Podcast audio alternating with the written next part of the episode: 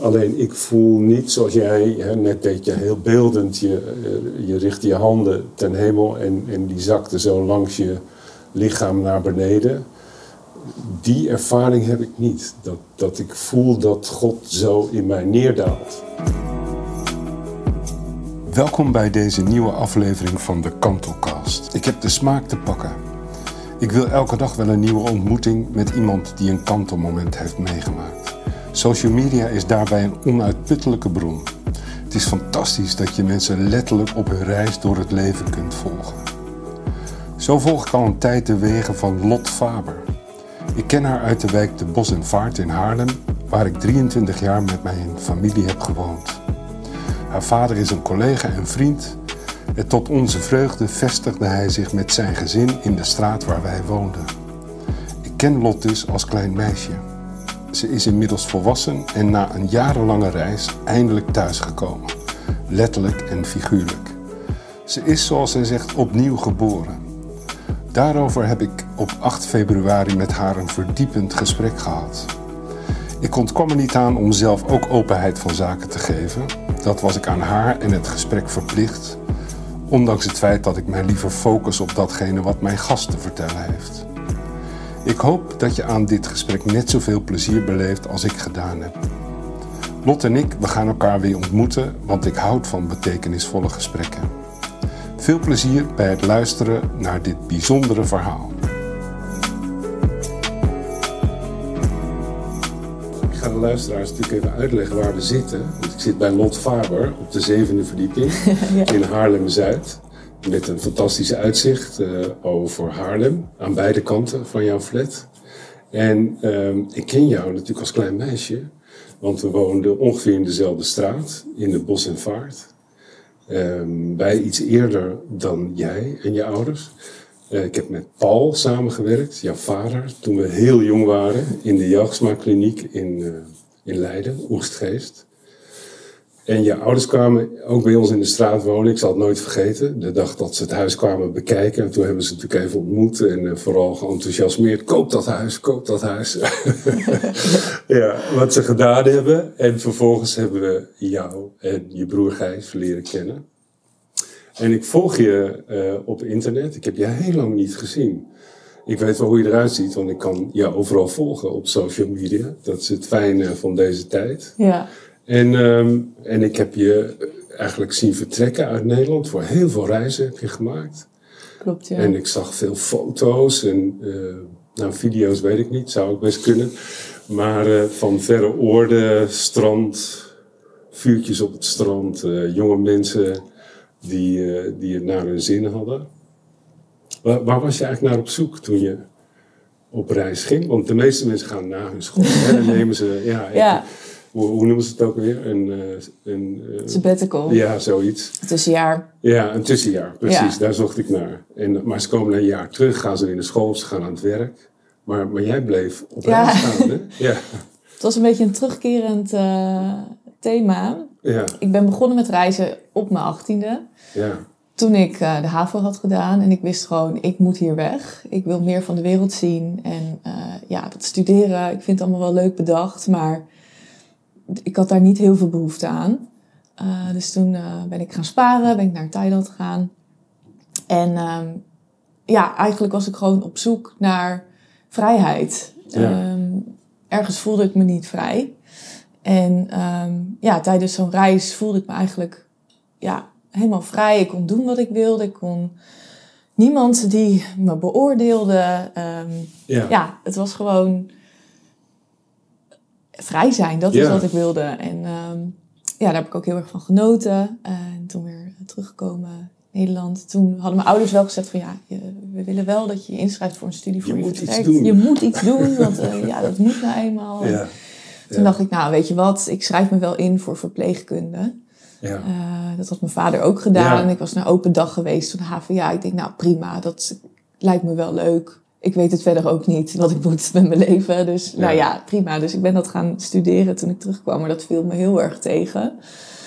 Omdat ik uh, heel veel dingen moest leren die me niet interesseerden. En ook, ja, ik ben gewoon niet iemand die een boek leest en dan denkt, nou, ik weet nu wat hier staat. En dan, ik, voor mij werkt dat niet zo. Het moet, ja, het moet je ook echt heel erg interesseren. En ja, je moest ook gewoon heel veel dingen leren waarvan ik ook wel wist van ja, dit slaat eigenlijk helemaal nergens op. Maar ja, het hoorde erbij. Het was geen in-serviceopleiding, werken en studeren. Nee, nee, het was vol tijd. Dus Ja. na twee jaar lukte het me niet om mijn proppenduizen te halen. Toen ben ik naar het mbo gegaan, mbo-verpleegkunde. Nou, met twee vingers in mijn neus heb ik dat toen wel in twee jaar afgerond. Ja, toen ben ik toch weer de HBOV gaan doen. Omdat ik ook zoiets had van, ja, ik ben er ook ooit aan begonnen. Dan maak ik het ook af. Dat is wel een beetje iets wat in mij zit. Eh, toen heb ik dat gedaan. Wel deeltijd, dus dat je wel werkt. En, Ja. eh, en richting GGZ. Dat eh, sprak mij ook heel erg aan. De psychiatrie. En de rest eh, vond ik wat minder interessant. Maar GGZ vond ik wel heel Ja. leuk. Maar goed, toen ben ik gaan werken als eh, ambulante verpleegkundige bij een vakteam. Eh, wat een hele mooie baan was, maar ook heel pittig. En op een gegeven moment dacht ik, ja, wat ben ik hier eigenlijk aan het doen? Ik voelde me echt een loonslaaf. En ja, er gebeurde ook wel veel in de GGZ waar ik last van had. Dat het veel, te weinig tijd voor de mensen, veel administratie. eh, Bureaucratie. ja, en de hele tijd brandjes blussen. Want doordat je weinig tijd had, kon je ook mensen niet echt goed helpen. En ja, het was wel gewoon, eigenlijk wordt er gewoon veel te veel van je gevraagd. Ja. Dus toen ben ik weer, eh, besloot ik weer op reis te gaan. Ik was er helemaal klaar mee. Ja. En ik had weer behoefte aan die vrijheid. Ja. En, en toen ben ik dus naar Australië gegaan. En eh, daar ben ik echt bijna een jaar op reis geweest. Tussendoor nog even teruggegaan naar Nederland, omdat ik het niet over mijn hart kon verkrijgen om het festivalseizoen te missen. Dus ik ben echt toen zeven weken lang naar Nederland gegaan om eigenlijk alleen maar festivals eh, Ja. te pakken. Want mijn, ja, het feesten was voor mij ook echt een uitlaatklep. ja, dat zag ik ook wel, ja. Ja, eh, maar ook wel, ja, drank en drugs, moet ik wel toegeven. Dat ook, dat, dat zat er ook wel aardig bij in. En Ja. ja. ja, voor mij was dat echt een uitlaatklep. En daar haalde ik een soort vervulling uit. Want eigenlijk had ik diep van binnen toch een leegte. eh, die ik maar niet opgevuld kreeg. En Ja. ja, en, ja ik bleef daarom ook zoekende en, en, en feesten... om maar ja, niet geconfronteerd te worden met dat gevoel van leegte. Ja. En in Australië eh, ja, ben ik met die leegte daar ook heen gegaan. Toen ben ik in aanraking gekomen ook met psychedelica, LSD. En toen is er voor mij ook wel een soort wereld geopend dat ik besefte van wow, wat is de wereld eigenlijk ziek? En wat hebben we een raar systeem gecreëerd wat gaat over macht en geld. En ja, toen kon ik best wel ineens ook wat dingen doorzien in Ja. de wereld die ik altijd al heb gevoeld. Maar er vielen gewoon wat puzzelstukjes op zijn plek. ja. En ehm, Was het ook, eh, daar vraag ik vaak naar, ja, als je het over kantelmomenten hebt. Dus soms kunnen mensen heel gedetailleerd beschrijven, nou op dat moment zei die persoon dit en dit. En, en het leek wel of er in mijn hoofd iets eh, klikte. En, en opeens was alles anders voor mij. Toen, toen zag ik waar ik eigenlijk mee bezig was en toen heb ik het roer omgegooid. Heb jij zoiets? eh? Nou, ik denk dat er heel voorzichtig iets aan het afbrokkelen was terwijl ik in Australië was, waarbij ik dus ik begon dingen te doorzien. Dus systemen, eh, maar ook ja, hoe, hoe gek eigenlijk de wereld is en hoe normaal we dat allemaal maar vinden. Dat vond ik vooral heel eh, interessant. Dat ik gewoon zag van ja, er is heel veel niet, er klopt heel veel niet in de Ja. Is Maar het normaal? We Of- nemen het allemaal voor lief. Of tenminste, als ik naar de gemiddelde mensen om me heen kijk. Mensen Ja. gaan gewoon lekker naar hun werk, verdienen hun geld, eh, zitten thuis op de bank voor de tv en gaan slapen en staan weer op en voeren het riedeltje weer af. En in het weekend wordt er een feestje, een, een drankje, een pilletje, een dingetje. En dan gaat het hele riedeltje weer opnieuw. Ja, ik dacht echt, dit is toch niet het leven waarvoor het bedoeld is. Ja, ja. Ik heb dat altijd wel, ja, verwonderlijk gevonden, maar ook heel erg niet thuis gevoeld in de wereld. ja. En ja, dat werd in Australië eigenlijk alleen maar meer bevestigd. En Is het normaal eigenlijk, ik kom even terug op die woorden, of zien mensen het niet meer? ja, Of ik, is het het allebei? Dat ik kan denk ook. zeker dat tweede. Ja, Mensen ja, zien ja. het niet meer. Maar daarmee, mensen, zeg maar, ik heb een, wel een seeking nature, waarbij ik, ja, ik wil gewoon naar de essentie, De diepte in. de diepte in. Ja, Maar er zijn heel veel mensen die daar al zo ver van weg zijn, dat ze daar niet eens meer mee bezig zijn. En dat, ja, Dat vind ik wel heftig. Ja, ja, want wat je consumeert, dat wordt ook je wereld. En ja, Ja. het heeft niet voor en we consumeren nogal wat. Nou, behoorlijk. En ja, allemaal van die programma's waarbij, zeg maar, het nieuws... Ik snap dat het eh, belangrijk is om, om te weten wat er in de wereld speelt. Maar in principe is dat ook heel veel angst eh, gestuurd. Er wordt nooit in het nieuws vertelt, nou, er zijn eh, vandaag eh, allemaal mooie dingen gebeurd. Het is Ja, allemaal nou, negatief. het gebeurt wel, maar de, rest heeft de overhand. ja, exact. Dus ik zie ook dat daar, daar zit ook iets niet helemaal goed. Ja, Goed, dat is een ander verhaal. In ieder geval ben ik toen wel weer teruggegaan naar Nederland. Omdat ik ook wel voelde van ja, het, het is mooi geweest het reis. Ik voelde me ook heel erg verzadigd. Dat ik op een gegeven moment ook op de mooiste tropische eilanden stond. En niet eens meer van onder de indruk was. Mm. Ik dacht ja, dit is echt niet oké. ja, Eh, ik, ik mag weer terug. En ik mag ook weer onderdeel zijn van de maatschappij. ja. Maar ja, hoe- wat ga je dan doen als je je daar niet in thuis voelt? Dus Ja. dat bleef een zoektocht. Toen ben Ja. ik toch in de horeca gaan werken, in de GGZ gaan werken. En ehm, ja, eigenlijk toen ik terug was, is voor mij een aha-moment geweest. Ja, dat moment, ja, wat was dat? Ja, ik, ik begon steeds meer me in te lezen over spiritualiteit. En Wat je al gedaan had. dat had ik al heel erg Maar gedaan. met Maar allerlei- in één keer, heb je ja, ook ayahuasca gebruikt en dat soort dingen? ja, dat, soort- kwam ja. allemaal daarna Ik vind hoor. het zo moedig dat je dat gedaan hebt. Nou, ik zou het echt niet durven. Nee, ik zou het ook niet aanraden. Nee, dat meen ik oprecht. ja. Ehm, maar daar kom ik zo op. Ja, dat is goed. Ja. Eh, ik ben helemaal toen in een soort spirituele rollercoaster gestapt. Ik dacht echt van, ik, ik, ik, ik, ik snap hoe het werkt. Het, we zijn licht en liefde. En eh, we hebben allemaal trauma's en we moeten aan die trauma's werken. En ayahuasca is een middel om, om daaraan te werken. Maar eh, ja, er zijn nog honderd andere spirituele beoefeningen, zoals adem, eh, ademsessies, maar ook ja, bepaalde coachsessies waarbij je in hypnose gaat. Nou, noem het maar op. Ja. Ik dook erin. Kom eens hier. Ik ga even, ga even zeggen, kom, ga eens even zitten. Kom maar af, af, af. Zo. Sorry. Nee, maakt niet uit. Ehm, Er loopt een hondje voor de luisteraar steeds over, door de kamer heen. Maar nu ligt hele lieve Ja. hond. Vertel over die Eh, sessies. ja, dus, dus ik ging ook ayahuasca drinken. En, en dat gaf me echt wel inzichten. Ook over mezelf als kind en waar ik last van had gehad. Ehm, Die dingen kwamen allemaal terug. die dingen kwamen allemaal terug. En je gaat echt in hogere dimensies. En ja, ik, ik heb ook wel truffels gebruikt. En ook wel eh changa gerookt. Dat is DMT. Ik weet niet of je daar wel eens van het zegt hebt. Maar dat niks, is dus nee. de stof van ayahuasca. Die rook je. Waardoor je het in één keer helemaal tot je neemt. Nou, dat is de meest diepe Ja. trip die je kan hebben. Nou, dan ontstijg je gewoon helemaal je lichaam uit. En schiet je ergens eh, het universum in. heelal in. Ja. Nou ja, dat was een hele intense ervaring. Ik heb daar wel ook bepaalde inzichten uitgehaald. Maar ik, ja, je weet niet echt waar je nou geweest bent. Het was een soort oneindige wereld waarin je Ja. dan komt. Werd het wel goed begeleid? Ja, dat, wel. Maar ja, ik deed, ik deed ook maar wat. zeg maar. Ja, Ja. ik ben ook iemand die graag alles wil Ja, proberen. je en, bent erin gedoken. ja, en ook wel gewoon ja, interessant vindt om dingen te ervaren. Ja, ik vind het moedig hoor. En ehm, Ja, vooropgesteld.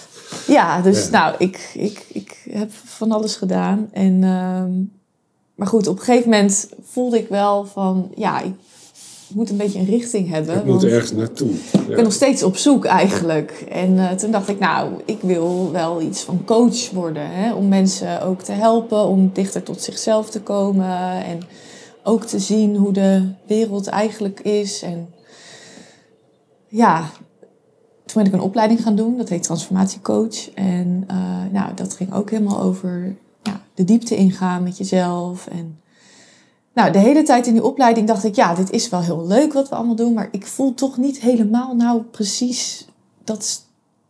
dat ik miste gewoon de hele tijd een puzzelstukje. Want ik Ja. bleef toch het gevoel hebben van... ik ben niet goed genoeg, ik moet nog meer aan mezelf werken. Het is nooit, het is al oneindig. Ik geloofde ook in vorige levens. Ja. Nou, dan ga je daarin graven en dan ben je in dat leven ben je dit en in dat leven ben je dat en dat moet je ook nog helen. Ja, dan heb je, je bent eindeloos bezig met allemaal stukken helen. En op een gegeven moment werd ik er ook wel een beetje moe van. Ik denk van, joh, komt er ook nog een keer een einde aan en dan Ja. ga ik misschien een keer dood.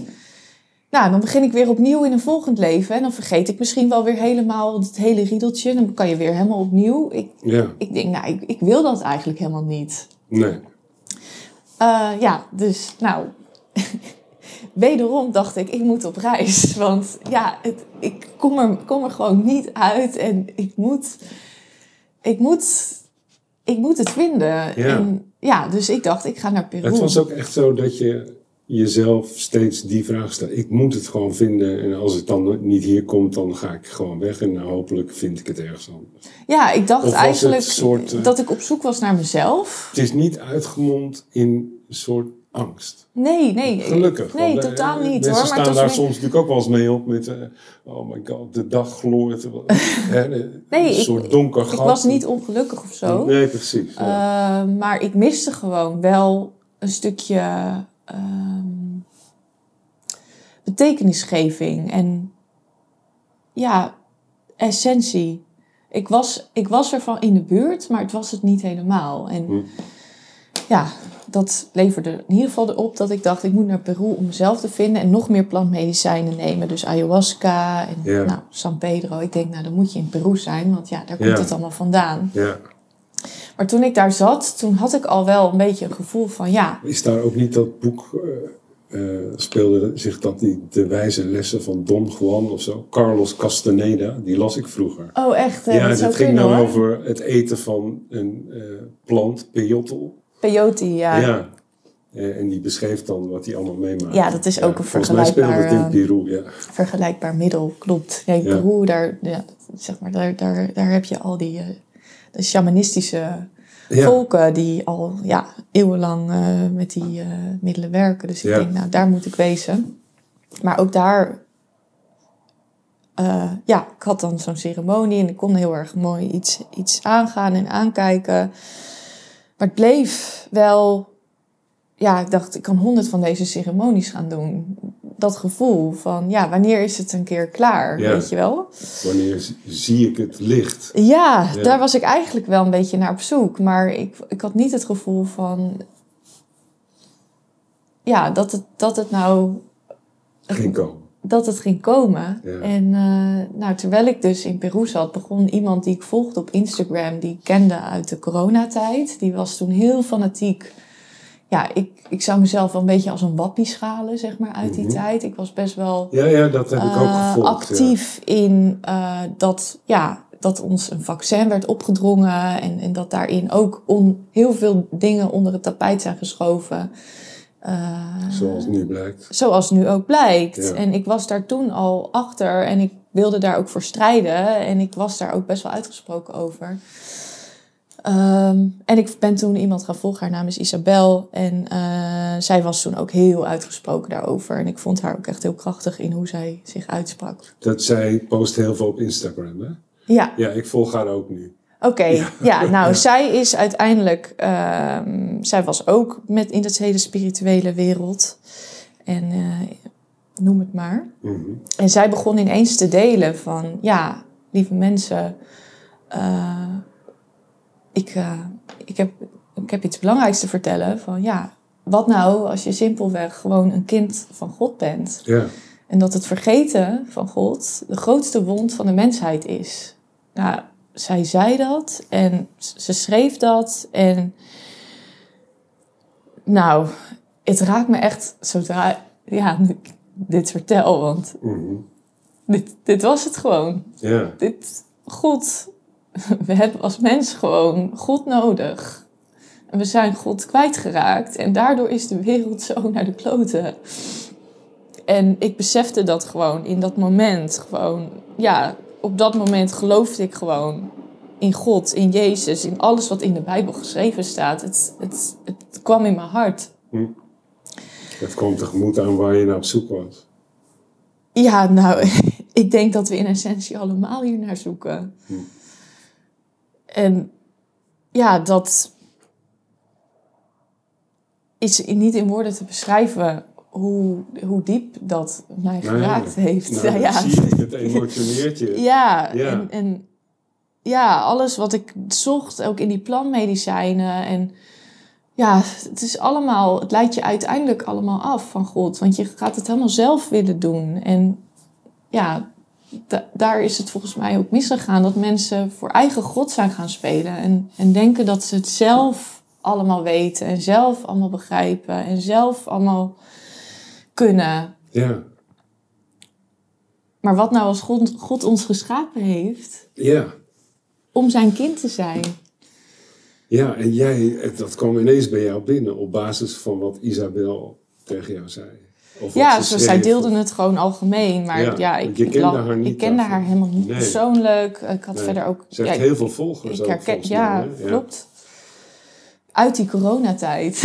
Ja. en toen is zij dus eigenlijk hierover gaan delen. En nou, ik kan... Ja, er zijn zoveel mensen die geraakt zijn ook door haar post en zich bekeerd hebben. En, Ja, je bent dus eigenlijk van, ik weet niet of het klopt als ik het zo mag zeggen, maar eh, van spiritualiteit gegaan naar echt geloof. Eh, Want dat is Nou niet hetzelfde, toch? ik zeg altijd van mezelf, ja, ik ben spiritueel. ja. Maar dat is niet hetzelfde als, eh, als wat jij nu vertelt. Dat, dat je het woord van God en Jezus als jouw leidraad in het leven hebt aangenomen. En je leven daarnaar gaat inrichten. Nou, ik geloof dat Jezus het meest spirituele is wat er bestaat. Oké. Ja. Ja, dus ik dacht mijn spiritualiteit te hebben gevonden in de wereld met plantmedicijnen, met Boeddha, met nou Mhm. honderd dingen die daarin vallen.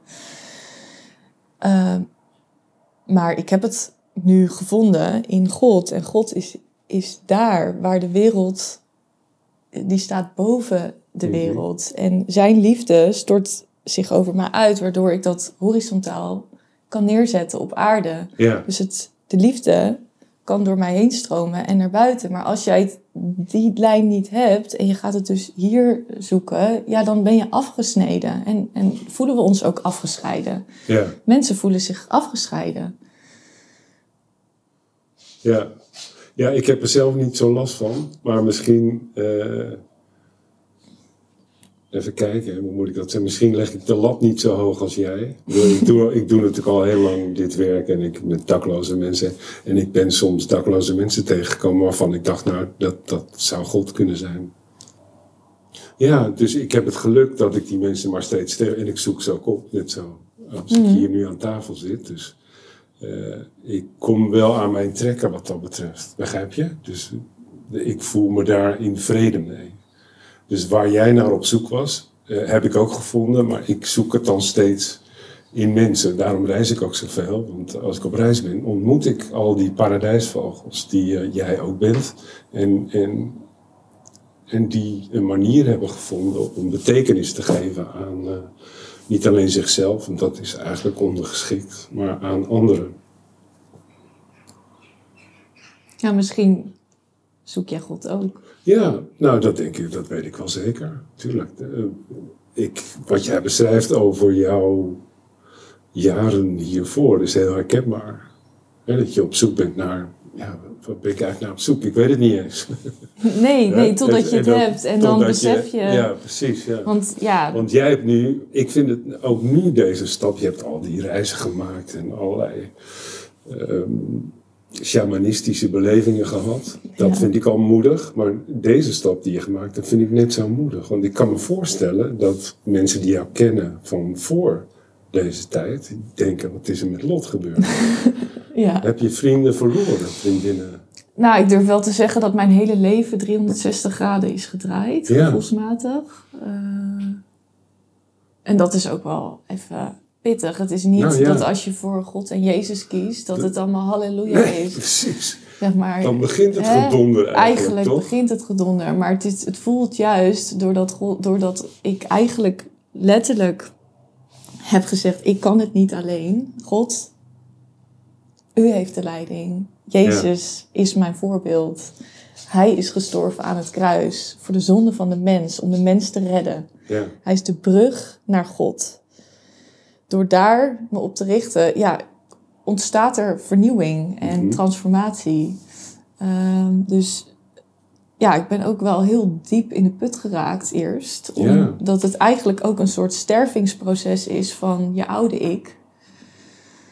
Waar je nieuwe ik geboren mag worden in Christus. Ja, God, God roept mensen thuis. En steeds meer. Ik zie het om me heen echt steeds meer gebeuren. Mensen die helemaal niet gelovig zijn opgevoed. Die ja, een bepaalde gebrokenheid hebben of, of wat dan ook. Waar, waar God, waar ja, een ontmoeting met God plaatsvindt en, en, en Jezus er is. En ik denk ook, ja, voor mij, hoe ik het heel diep voel, is dit de essentie van het leven. De essentie waarom mensen er zijn, Ja. is om Gods liefde te leren kennen. Ten diepste. ja. En dat geeft je ook ten diepste vervulling. Dus alles wat ik zocht in de wereld, ik zocht het in mensen, ik zocht het in middelen, ik zocht het in feestjes, ik zocht het in Peru, ik zocht het in Australië. Ik heb het overal gezocht En niet gevonden. en niet gevonden, want God is niet van de wereld. Hm. En God heeft ook een tegenstander en dat is Satan en die heerst over de wereld. Ja. Dus er is een geestelijke strijd in de wereld die met het oog niet waarneembaar is. ja, daar raak je me een beetje kwijt hoor. Want, Ja, eh, ja, dat geloof ik. Nou ja, natuurlijk, jij noemt het Satan. Eh, ik zie natuurlijk al wat er mis is in de wereld. eh, en dat het niet goed gaat en dat we iets moeten gaan doen Ja. om het tijd te keren. Kijk, jij noemt, jij noemt het Satan. Eh, ik, je kunt er ook een andere naam voor Ja, duisternis. Ja, eh, of, eh, Donald Trump. Of, Eh, nou ja, dan laten we vergevingsgezind zijn. En laten we geen namen noemen. Maar ehm, nee, er zijn natuurlijk ontwikkelingen die maken dat, dat het helemaal niet goed gaat. Als je dat niet ziet, ja, dan, dan, dan gaat het niet goed met je volgens mij. Dan, nee, precies. Maar er is, zeg maar, we zien als mens, maar je, niet alles wat er is. Ja. Dat, dat is. Dat is gewoon ook bewezen. Ja. Dat je hè, met het blote oog niet alles kan waarnemen wat er is. nee, zeker. Ja. Hè, dus Ja. Ja, want, want ik ken jouw ouders natuurlijk goed. En eh, wij zijn in een wijk opgegroeid, eh, wat door veel mensen het reservaat wordt genoemd. En, eh, en je bent eigenlijk in, in alle voorspoed opgegroeid. Maar in jouw verhaal waarmee je begon, je legt, de lat heb je heel hoog gelegd voor jezelf. Hè? Is dat erg, komt dat ergens vandaan? Is er iets gebeurd? Of, dat, dat, of zat het gewoon in je? ja, ik denk dat dat dus God is. Ja, ja. Niet ik. nee. Ja. En dat God mij ook wil gebruiken om te delen Ja, over Hem. ja. ja. En hoe ga je dat doen? Hoe ziet, hoe, hoe ziet jouw leven er over vijf jaar uit? Waar, waar staat Lot dan? Nou ja, ik denk dat dit een goed begin is. Ja, Omdat, ja, ik, ik zou...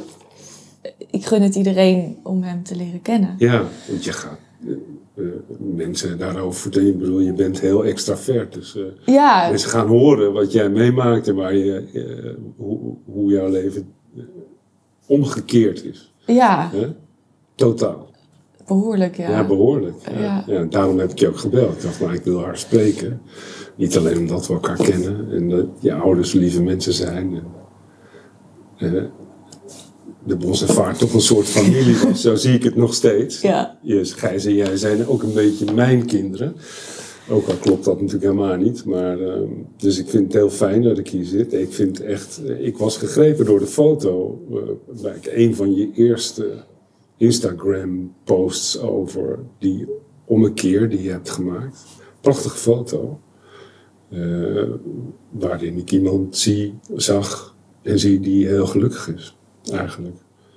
Met de stap die ze gemaakt heeft. Dus toen dacht ik, nou ik ga haar gewoon bellen. Of nee, ik heb je eerst een berichtje gestuurd. ja. Ik dacht, ik ga het langzaam aan. Ik ga niet meteen binnenvallen. Ja, Nee, ik vind het super tof dat je me, dat je me ja. uitnodigt. want ik kan me ook voorstellen dat er heel veel mensen zijn die het niet gedaan hebben. Die zeggen, nou, die Lottie is van het padje geraakt. Eh, hoe- Wat is er met haar gebeurd? Waarom? En die dan je niet meer bellen of langskomen? Gebeurt Nou dat? ja, ik ben zelf eigenlijk een beetje teruggetrokken geraakt. Mm. Dus ehm, ik heb daar zelf niet zoveel last van gehad. Omdat ik ook wel even ervaarde van... Nou, ik moet ook even helemaal tot mezelf komen. En met God tijd doorbrengen om... ehm, ja, even opnieuw... Ik ben helemaal een nieuwe identiteit eigenlijk Ja, gaan vormen. En ja, het is dan ook best wel lastig om je tot vriendschappen te verhouden, waarbij nog een soort oud beeld van jou is, wat je niet meer bent, waar je ook van hebt afgekeerd. Hm. Ik heb me ook laten dopen als ja. volwassene. Ehm, dus daarin was ik ook even van wow. wie ben ik? Ja, ja. zeg maar, ja, dat, ja. dat die, gevoel. zoektocht, ja. die zoektocht is, is niet gestopt. Die zoektocht is niet Nee. gestopt. En ik heb nu, ik heb nu alleen- mijn anker. Hè? Je hebt richting gevonden, maar de, de rest gaat gewoon door. Ja, en Ja. Vanuit, vanuit die lijn ben ik nu opnieuw mezelf. Aan het uitvinden. Ja, Ja. maar gelukkig hoef, hoef ik niet meer dat allemaal zelf te doen. En Nee, dat, dus, dat, eh, dat is het wezenlijke verschil. Ja, en er is rust gekomen in plaats van onrust. Exact. Die jou influisterde dat je- maar weer op reis moest. Ja. Ja, en Ja. ook dat feesten en gebruiken van, van alles en nog wat. Ja. En ik was ook echt ja, heel goed in mensen pleasen en heel veel onder de mensen zijn en daar een soort vervulling uit halen. Ja, ja, die foto's, die, die zo, wauw, die, die Lot, die geniet ervan. Ik zei het vaak tegen mijn Jan, ik dacht, kijk, dan Lot zit er daar. Weet je wel? She is enjoying her life. Ja, nou, terwijl, ja, Ja. uiteindelijk, ik was aan het enjoyen, maar ja, ik heb dat nu allemaal uit mijn leven eigenlijk, is dat weggevallen. En ik, ik geniet meer van het leven dan Ja. ooit. Maar je bent, ook toen je die keuze had gemaakt, weer door een diep dal gegaan, eigenlijk. Want je hebt een grote vriendenkring. Je hebt er eigenlijk nog niet helemaal antwoord op gegeven, maar want ik, je hebt veel gereisd, je kent heel veel mensen van jouw leeftijd. Zijn al die mensen oké met de keuze die jij gemaakt hebt? Ja, ehm, dat weet ik niet helemaal. En het interesseert me ook ergens niet helemaal. In die zin van. Ik begrijp het heel goed als mensen het lastig vinden. En aan de andere kant vind, zou ik het ook wel heel raar vinden als iemand me daarom gaat afwijzen. Want dan zie je mij niet echt. Of dan, hè, van, er is toch ook een soort basis die je hebt in vriendschappen. Eh, en als, als mijn gelo- geloof vervolgens ja, ergens tussen gaat staan, dan, In de weg staat. Ja. ja, dan is het misschien ook geen, geen vriendschap, die, vriendschap, die ja. nog passend is bij nu. ja. Dus ik heb daar heel veel vrede mee dat, eh, ja, dat alles gewoon klopt. Ja. En, en eh, ik heb niet hele heftige reacties gehad, moet ik zeggen. Nou, gelukkig. Ja. Maar misschien dat mensen die reactie wel hebben, maar niet. Niet, Eh, nou ja, naar dat, me je, uitspreken, dat zie je ze dan toch. Ja, nou ja, ik heb liever dat je eerlijk bent. Nee, oké, maar goed, als je, als je eerlijk bent en, eh, en je hebt iets te melden wat jou schaadt, dan maar liever niet, toch? Nee, dat is ook weer waar. Zeker. Maar ik zou het vervelend vinden als iemand dat vindt, maar dat niet zegt. Maar dat er dan, nee, ik- zeg maar, voor mij staat eerlijkheid wel Ja. boven alles. Ik ben zelf ook atheïst geweest. Ja. Dus ik kan me er ook in verplaatsen. En ik weet Mm. ook hoe het is om daar te staan. Dus Ja, wat dat betreft ben ik ook blij met die ervaring. Want Mhm. ik kan daardoor wel ook begrijpen als mensen dat niet geloven. Ja. En, en ja, Heb je een sterke behoefte om mensen te gaan bekeren nu? nou nee, ieder, Nee. Heeft, ieder heeft zijn eigen vrije keus. Ja, En eh, dat moet o- ook een vrije keus blijven. Neem niet weg dat ik het anderen gun en dat ik mijn verhaal zal blijven delen. En ook het woord eh, en degenen die daardoor geraakt worden, die worden erdoor geraakt. En degenen die daar niets mee hebben, die niet. Maar ik ben heel blij dat er iemand is geweest die mij heeft geraakt. En daardoor weet ik, als ik ook maar één iemand mag raken en God mag vinden en thuis mag komen dan pak je die kans. in zijn, in zijn liefde. Ja, als er ook maar één iemand is die Ja. dit hoort, die Mhm. denkt ja, nou, dat is toch Dan fantastisch. kunnen ze jou bellen, Dan kunnen ze mij bellen, kunnen ze je zoeken op social media Ja. en, eh, en contact met je zoeken. Nee, maar het is, het is, ik meen het van, ja, je moet nooit iets, iemand iets opdringen of opleggen of, of, of ja. Wat voor werk dat, doe je dat nu? is ook niet. eh, eh, ik werk als coördinator van een vluchtelingenopvang. Oh, te gek. Ja, Ja. Mooi. En daar kun je zijn wie je wilt zijn. Daar kom je waarsch- onwaarschijnlijk veel gelovige mensen tegen, denk ik. ja In klopt. dat, in dat werk, ja. Er zijn veel mensen die gelovig zijn, maar ja, het is natuurlijk ook wel gewoon, je bent ook gewoon mensen aan het helpen om, ja, vooral hier, het is een Oekraïense opvang, Ja, eh, zorgen dat ze hier eh, een beetje kunnen leven. ja. Ja, Dus ook wat dat betreft heb je iets waardevols gevonden om te doen. Toch? Zeker, ja. Ja. Dat is een heel, eh, heel Ja. dankbaar werk. Ik moest ineens ook denken aan, eh, ik, ga je, ik geef je een gedicht. Eh, er zijn luisteraars die kennen dat gedicht, want ik gebruik het altijd. Ik heb het uit mijn hoofd geleerd. Het heet Lost. Ja, Dus heel veel mensen voelen zich verloren, zoals jij hebt gehad eigenlijk. En de meeste mensen die dat moment kennen. En het is een prachtig gedicht, want ik vertel het veel aan, aan mensen met wie ik werk, met wie het niet goed gaat. En iedereen begrijpt dat gedicht. Ze worden er ook door geraakt. Het is van David Wagner. En eh, het gaat als volgt. Eh, lost. Stand still, stand still. The trees ahead and the bushes beside you are not lost. Wherever you are is cold here. And it helps if you treat it as a powerful stranger, to ask permission to know it and to be known. Listen, the forest breathes. It answers, I've made this place around you. If you leave it, you may come back again, saying here. No two trees are the same to raven, no two branches are the same to wren. If what a tree or bush does is lost on you, you are surely lost. Stand still, stand still.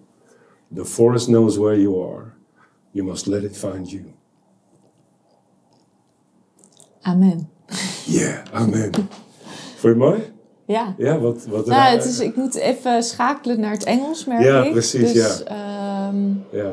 ik vind het daardoor lastig om het even helemaal... ja, nee, begrijp ik, ja.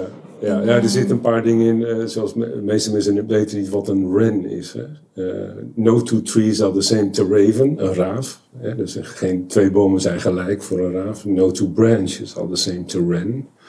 Geen twee takken zijn hetzelfde voor een wren. Een wren is een musje uit Nieuw-Zeeland. Ja, de- soms blijven mensen daar aanhaken. En meestal, eh, ik zal het je sturen, het gedicht. Ja, graag. Dan Ja. kan ik het even rustig lezen. Ja, precies. Ja. even- Want meestal lezen we het nog een keer en wel tien keer. eh, net zolang tot mensen helemaal vatten wat er staat.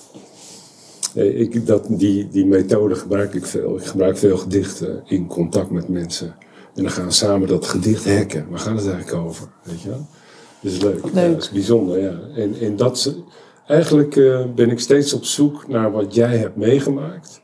Is dat moment te creëren eh, waarvan mensen zeggen: "Oh, Ik ga het gewoon anders doen. Ik ben er helemaal klaar mee. Bedankt, Rokers. Je hebt Ja. me namelijk op een spoor gezet. Weet je? Mooi. Ja. Ja, ik ben blij dat jij hem gevonden hebt, eh, Lot. Ben, ben ik iets vergeten te vragen aan je nog? Heb ik Nee. iets nagelaten? Nee, hoor. Het is, Nee? Is er nog iets wat je wilde zeggen? Eh, nou ja, ik ben natuurlijk ook wel benieuwd naar jou daarin. Ja, Waar je al kort iets over losliet. Maar over of- geloof. Ja, Ja. Nou ja, ik vind het moeilijk, zal ik je zeggen. Maar, ehm, bedoel, laat ik zeggen dat ik natuurlijk constant op zoek ben naar eh, richting, eh, naar waarom we hier zijn en waarom we doen wat we doen. Ik doe wat ik doe. Wat betekent dat in het licht? En ik ben geen nihilist, maar ik ben wel geneigd te zeggen en misschien is dat angst of zo. Eh, nou ja, als ik doodga, ik weet niet wat er is. Ik denk dat er wat is hoor trouwens, maar goed. Eh, omdat ik bepaalde ervaringen heb meegemaakt die, die voor mij onverklaarbaar waren. Zoals de dood van mijn vader, die zich nadat hij dood was aan mij manifesteerde op verschillende momenten. Eh, zodanig dat ik dacht, nou, dit, dit kan niet, weet je wel. Dit is onmogelijk, maar het gebeurde wel. En ik heb het geaccepteerd dat Ja. het zo was. En, en het gebeurt soms nog. Dat zijn favoriete muziek of, of iets wat hij gezegd heeft, dat hoor ik uit de mond van een ander. Ik, nou, hij is hier, daar is hij weer. Ja. ja. Ja, dus, eh, en ik voel het als ik met mensen ben, eh, soms. En ik weet niet of dat goddelijkheid is of zo, maar dat kan. dat, dat had ik toen ik jouw berichten zag. En ik dacht, eh, ik was van overtuigd, ik weet niet of jij gelukkig bent met dit gesprek, maar ik wel. Dat, dat we zo'n gesprek zouden hebben. ja. Nee, dus daar was, daar was ik eigenlijk 100% van overtuigd. Hmm. En, eh, en ja, daar ben ik naar op zoek. En, en ik weet niet of dat goddelijk is of ja, ik, ik heb geen idee, ik weet het eigenlijk niet. Mag ik jou een, een boek tippen? Ja, natuurlijk, ja. Mag ik hem even pakken? Ja, pak hem. Want dan ga je hem even, even vertellen wat voor boek het is. En, Het is een boek wat ik echt net uit heb. Ja. En het heeft me heel erg geraakt. Eh, het heet Stel je de hemel eens voor. En het zijn bijna doodervaringen, Gods belofte en de opwindend mooie toekomst die jou te wachten staat. Dit is eigenlijk een man die eh, was atheïst. En die eh, ja, heeft een bijna doodervaring gehad. ja, En die eh, heeft Jezus ontmoet en is in de hemel geweest. En zo zijn daar heel veel mensen die niks met God of geloof hadden. En Die die, dat dus hebben eh, hebben, dat hebben Ja. meegemaakt. ja. En eh, ja, dit boek ik ga even een foto maken. is eh, een prachtig boek. je kan hem vast mocht als je, eh, e-book ook kopen. Ik koop allemaal e-books, die kan ik op mijn computer zetten. En dan kan ik ze overal onderweg lezen. John Burke. Stel je de hemel eens voor. Mooie titel. Ja. Ja, dus het... het, Het heeft je, voor jou was het een bevestiging van, eh, of heb je hem eerst gelezen en toen? Nee, nee, dit. Heb ik, dit heb ik echt heel recent gelezen. En Ja. het, het, ja, het heeft me echt tot tranen geroerd. En ook ja, bevestigd wat ik al geloofde en wat ik al voelde. Dus het is nog een schep erbovenop. Ja, ja. En eh, ja, je ontkomt er bijna niet aan. Dus het is ja, een, een- een aanrader. Ja, Als je het hebt over is er leven na de dood, ja, precies. Ja, ja. dan is Ja, dit een mooi en dus ik weet niet of ik antwoord heb gegeven op je vraag. eh, maar nou ja, ik kan eigenlijk geen kerk voorbij gaan zonder naar binnen te gaan. Dat is een feit op vakantie of als ik op studiereis ben met groepen. En de meeste steden hebben er veel. En dorpen ook trouwens. Ehm, ja, misschien dat ik het. eh, ik ga met gelovige mensen op reis. Wat ik heel prettig vind, want dat geeft altijd een verdieping op een of andere manier. Phew, is het een antwoord op je vraag? Of? Ja, het is, Ja, het is wel een wel. antwoord. Maar de, ik voel ook een soort twijfel. jou. Nou, nee, twijfel niet. Over het bestaan van God of Ja. Jezus. Ik heb, nou, twijfel niet. Ik, ik, ik zeg eigenlijk, ik weet het niet. Nee, is dat niet ook een twijfel? Nou, dat voel ik niet zo. Ik sta overal open voor. Getuigt het feit dat ik hier zit. Ik had ook kunnen zeggen, nou, dat verhaal hoef ik niet te horen, dat ken ik wel. Eh, ik heb, ben nieuwsgierig naar. Nee, ik voel het niet als twijfel. Ik, ehm, ja, Maar iets is toch wel of niet? En als het er tussenin is, is het Nou, een twijfel? Niet helemaal. zie ik dat verkeerd? Nee, kijk, eh, dat vak psychiatrie hebben we het ook over gehad. Ja. Je hebt een poging gedaan. De, daarvan zeg ik ook altijd, er is geen waarheid in de psychiatrie. Net zo goed als er geen waarheid is in mijn leven. Zo voel ik het echt. Het enige is, ik word er niet onrustig van, zoals jij. Dus er zijn waarheden die naast elkaar bestaan, waar ik me aan vasthoud. Die waarheden zitten overigens altijd in mensen die ik tegenkom.